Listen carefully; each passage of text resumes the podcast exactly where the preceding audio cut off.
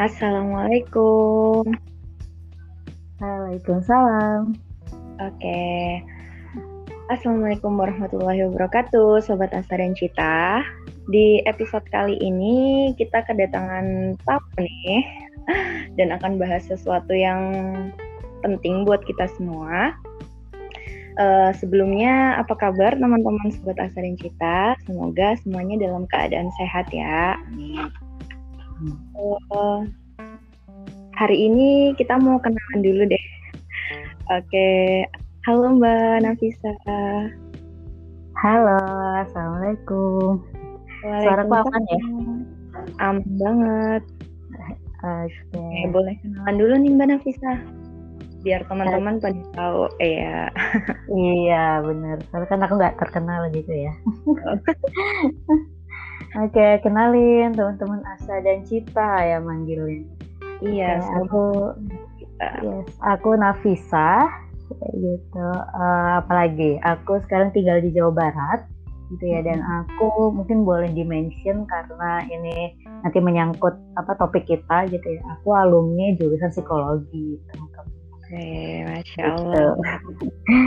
Gitu. ya, gitu. Salam kenal ya semuanya. Ha, karena kita sekarang tuh udah hampir satu tahun ya Mbak ya memasuki iya. masa-masa pandemi kayak gitu ya. Benar benar benar. Uh, di situasi kayak gini itu justru malah banyak nih Mbak orang-orang yang kelihatannya tuh malah uh, lebih ke arah sakit mental kayak gitu. Nah, ada yang salah satunya itu terkait karena mereka banyak tekanan kayak gitu kan apalagi sekarang kita udah jarang berinteraksi dengan orang lain kayak gitu kan. Harus di rumah aja menjaga jarak dan lain sebagainya. Nah itu tuh jadi kayak seperti hal baru yang malah jadi bikin tekanan gitu buat kita. Nah yang hmm. akhirnya memicu yang namanya stres kayak gitu kan. Benar benar. Kan? Uh, jadi hari ini teman-teman uh, kita sama Mbak Nafisa akan membahas terkait apa Mbak?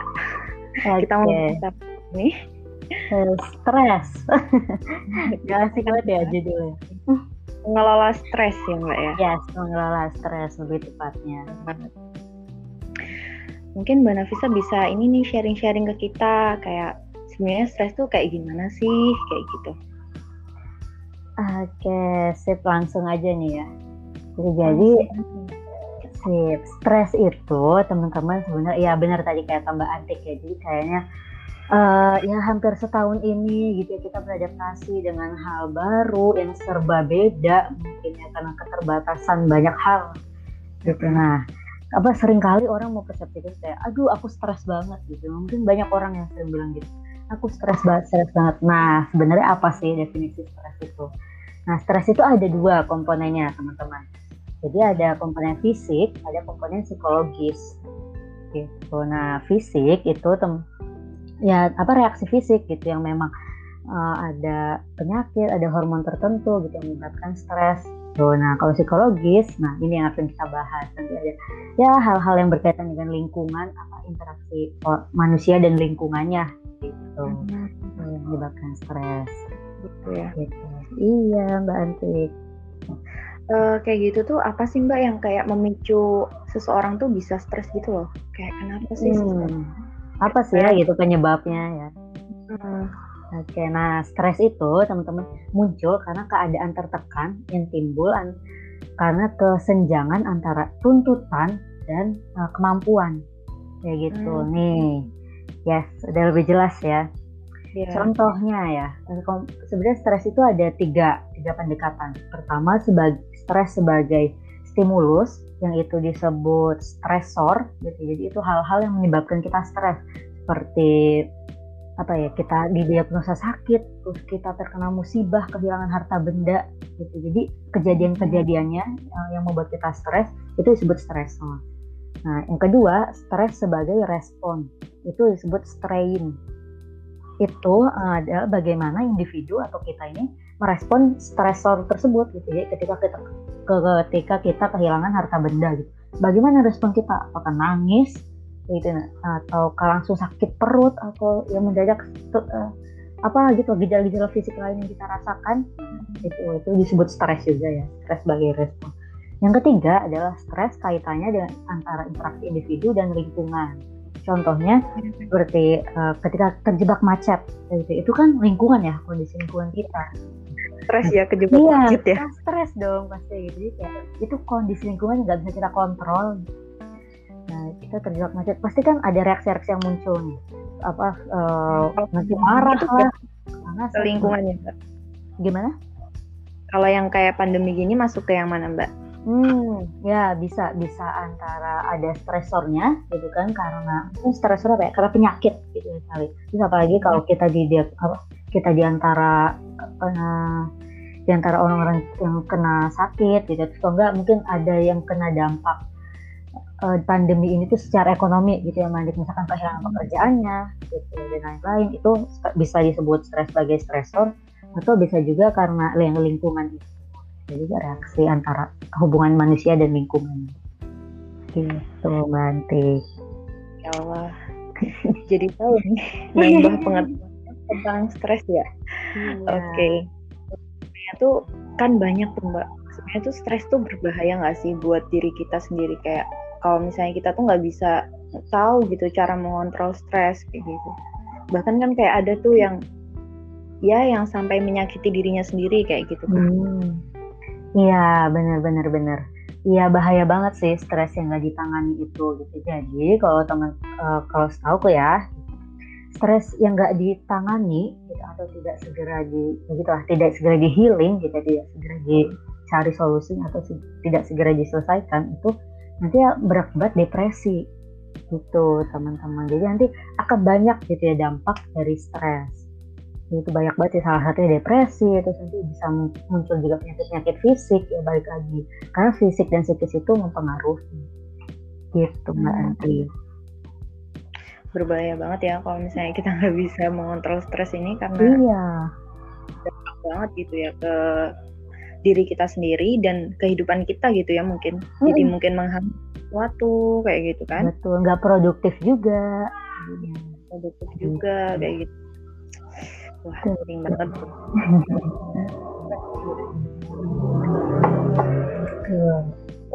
Keluarnya nih, atau gimana sih cara ngontrol stres kayak gitu biar teman-teman tahu nanti kalau misalnya ada suatu saat nih hmm. namanya juga manusia kan ada saat-saat tertekan kayak gitu mungkin bisa uh, menyebabkan stres banyak pikiran dan lain-lain kita tahu gitu gimana sih cara mengontrol stres kayak gitu nah, iya. gimana Benar, benar, benar. Jadi uh, setelah teman-teman tahu tadi definisi stres gitu ya dan uh, mungkin aku mau sedikit dulu jelasin ciri-ciri stres. Pokoknya hmm, salah ya, satunya boleh. sebelum kita mulai.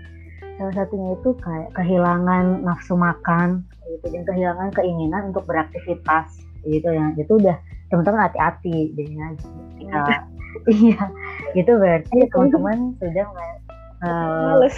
iya benar. Dia malas melakukan sesuatu gitu. Nah ketika gejala-gejala itu sudah muncul apa yang harus kita lakukan? Yaitu healing atau uh, kalau di psikologi sering disebut stress coping gitu jadi uh, cari copingnya gitu. nah bagaimana caranya sebenarnya ada dua caranya uh, ada stress coping problem fokus coping dan emosional fokus coping gitu. Nah, perbedaannya apa? Kalau problem fokus coping, teman-teman langsung menyelesaikan masalahnya. Jadi ketika teman-teman uh, katakanlah punya tugas yang banyak kayak dia stres karena aduh tugas apa misalkan teman-teman yang kuliah tugas tuh banyak banget ya udah berarti kan apa penyelesaiannya dikerjakan tugas? Kan nah itu itu problem fokus coping. Yang terdengar mudah tapi tidak mudah dilakukan ya.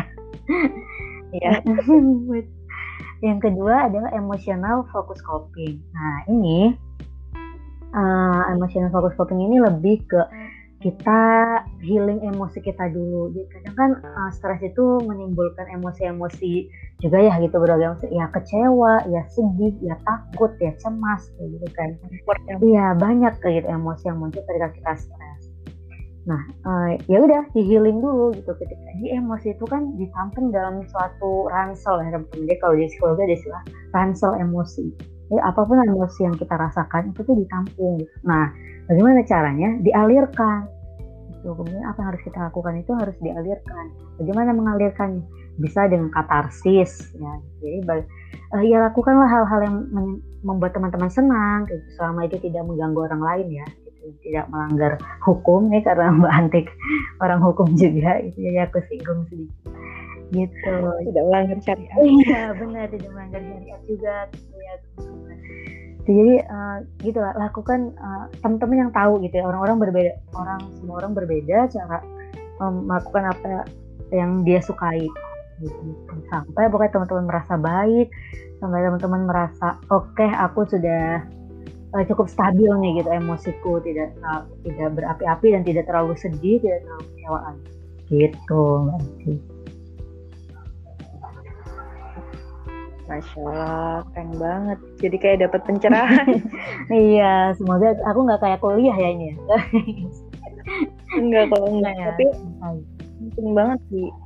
Uh, tadi yang itu kan cara healing kayak melalui dari sisi psikologinya gitu ya, Iya, ya? benar. Psikologi modern lah. Iya. Ada nggak Mbak yang kalau dari healing kita dari Quran kita. Oh iya, benar banget teman-teman. Ini untuk teman-teman yang Muslim, gitu ya, insya Allah sih Muslim, itu ada cara Islam, bahkan banyak cara Islam. Uh, kalau teman-teman buka Al-Quran aja gitu ya, untuk mengatasi stres atau yang menangani stres. Salah satunya yang paling terdekat dengan kita yaitu dengan Al-Quran. Jadi teman-teman ada yang namanya konseling Qurani. Kayak gitu. Konseling Qurani itu sebenarnya apa ya mudah dilakukan tapi itu butuh uh, F, uh, gini fokus dan konsentrasi dan benar-benar peng apa ya, pengharapan kepada Allah kayak berpasrah kepada Allah banget. Caranya simple banget teman-teman cukup wudhu nah gitu terus buka Al-Qur'annya secara random baca ayatnya uh, terus pahami terjemahannya. Biasanya ya uh, insya Allah gitu kalau teman-teman dengan oh ya sebelum sebelum teman-teman buka Al-Quran pikirin dulu masalah teman-teman. Sih kayak keluarin hal-hal uh, yang membuat teman-teman tuh stres gitu ya. Pokoknya apa yang membuat teman-teman down gitu ya ini kita lagi bahas stres. Ini pikirin dulu fokus gitu dan berdoa berdoa dulu. Kayak ya Allah aku mau cari jawabannya. Terus udah buka ayat Al-Quran. Buka Al-Quran secara random. Nanti insya Allah dapat ayat yang itu adalah jawaban. Jawabannya dari apa yang kita cari gitu. Kenapa apa yang harus kita lakukan gitu mbak Anti habis ini langsung harus dicatat ya ini teman-teman langkah-langkah. Itu ya, menurutku cara yang paling simpel tapi tuh insya Allah uh, apa ya dampaknya itu luar biasa gitu ya benar-benar dan langsung sih langsung kerasa iya dan langsung kan ya. Tapi kuncinya harus benar-benar kita tuh kayak percaya sepenuhnya gitu kok iya, ya kan? kita ya berpasrah dulu gitu. Dan sangat memohon dulu sangat memohon kalau ya Allah aku pengen dapat petunjuknya nih pengen dapat penyelesaian Cuma jangan jangan teman-teman jangan setengah-setengah gitu hmm.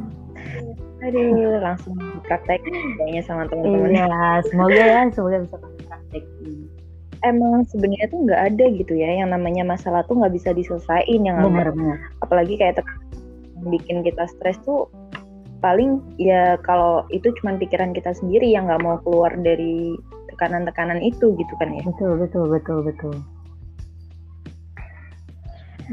ada ini nggak mm -hmm. uh, dari mana mungkin kayak pesan ke teman-teman gitu gimana untuk terkait mengelola stres ini stres ini ya Oke, okay, iya. Jadi uh, kalau pesan mungkin sebagai penutup juga ya, Mbak. Pe pengelola stres ini susah-susah gampang gitu ya, susah Tapi uh, yang pada benar. pada intinya adalah uh, segala sesuatu itu tergantung bagaimana reaksi kita, bagaimana kita meresponnya. Termasuk pandemi ini gitu ya. Apa pun yang terjadi sama teman-teman, semua orang itu pasti uh, mengalami hal yang uh, berbeda-beda lah ya gitu terhadap pandemi oleh karena itu benar banget jadi teman-teman perlu menyikapinya dengan lebih tenang kayak gitu ya jadi itu ketika sudah merasakan gejala-gejala stres silahkan langsung cari solusinya. Kayak gitu. Tadi aku udah ngasih dua tips gitu. Dan apa yang ketiga itu bisa tips dari psikologi islami ya kita bisa dengan Al-Quran yang sangat mudah dan itu uh, dekat dengan kita. Gitu aja sih Mbak Antik. Masya Allah, mantap banget materinya. Semoga teman-teman juga apa ya bisa mempraktekkan gitu ya tadi udah uh, disampaikan sama Mbak Nafisa gitu. Jadi kalau misalnya nih teman-teman udah ngerasa nggak nafsu makan, iya benar, susah tidur, nggak ada berat untuk ingin melakukan sesuatu, maka langsung kayak ting kayak aku kenapa ya? gitu, harus langsung menyadari gitu ya, benar, ya benar. Atau, jadi kita tahu langsung atau di saat kita keadaan yang sangat tertekan sampai kita bikin stres itu jangan sampai membuat atau menyakiti diri kita sendiri hmm. gitu. Kita harus tahu uh, healingnya ya, ya tadi. benar-benar. Stress copingnya apa? Stress copingnya apa? Kayak gitu. Penyebabnya benar, apa? Stresornya apa ya? Tadi ingat sumber stres itu disebut stresor ya Oke, masya Allah, mantap banget ya hari ini udah kayak lagi iya, bener-bener Iya nih, semoga membantu ya. Semoga apa ya uh, ada ada hal baru yang teman-teman tahu gitu bisa. Iya pasti dong. Ini hal baru juga oh, buat iya. aku. Bener. Iya. Oh, teman-teman di rumah itu mendapatkan gitu ya, mendapatkan sesuatu yang bermanfaat dari obrolan kita tadi. Uh, Sebelumnya aku mau ngucapin makasih banyak buat Mbak Nafisa yang udah sharing-sharing di sini bareng podcast Asa dan iya, Cita. Sama. Ya, masih banyak kekurangannya. apa Seneng juga udah diundang. Makasih juga ya udah ngundang aku. ya, aku juga makasih banyak sudah mau bergabung di sini dan mau menyapa teman-teman juga di rumah dan berbagi gitu. Biar kita semuanya uh, itu bisa tahu caranya mengelola stres gitu. Betul. Ini mungkin cukup sampai sini aja teman-teman podcast Asa dan Cita. Terima kasih buat Mbak Nafisa udah hadir dan bergabung di sini. Semoga apa yang udah disampaikan bisa menjadi bekal gitu dan langsung dipraktekkan dalam kehidupan sehari-hari kita semua. Iya. Oke, okay mungkin cukup sampai sini. Mbak Nafisa, terima kasih. Assalamualaikum warahmatullahi wabarakatuh. Waalaikumsalam warahmatullahi wabarakatuh. Sampai jumpa di next episode, teman-teman. Thank you.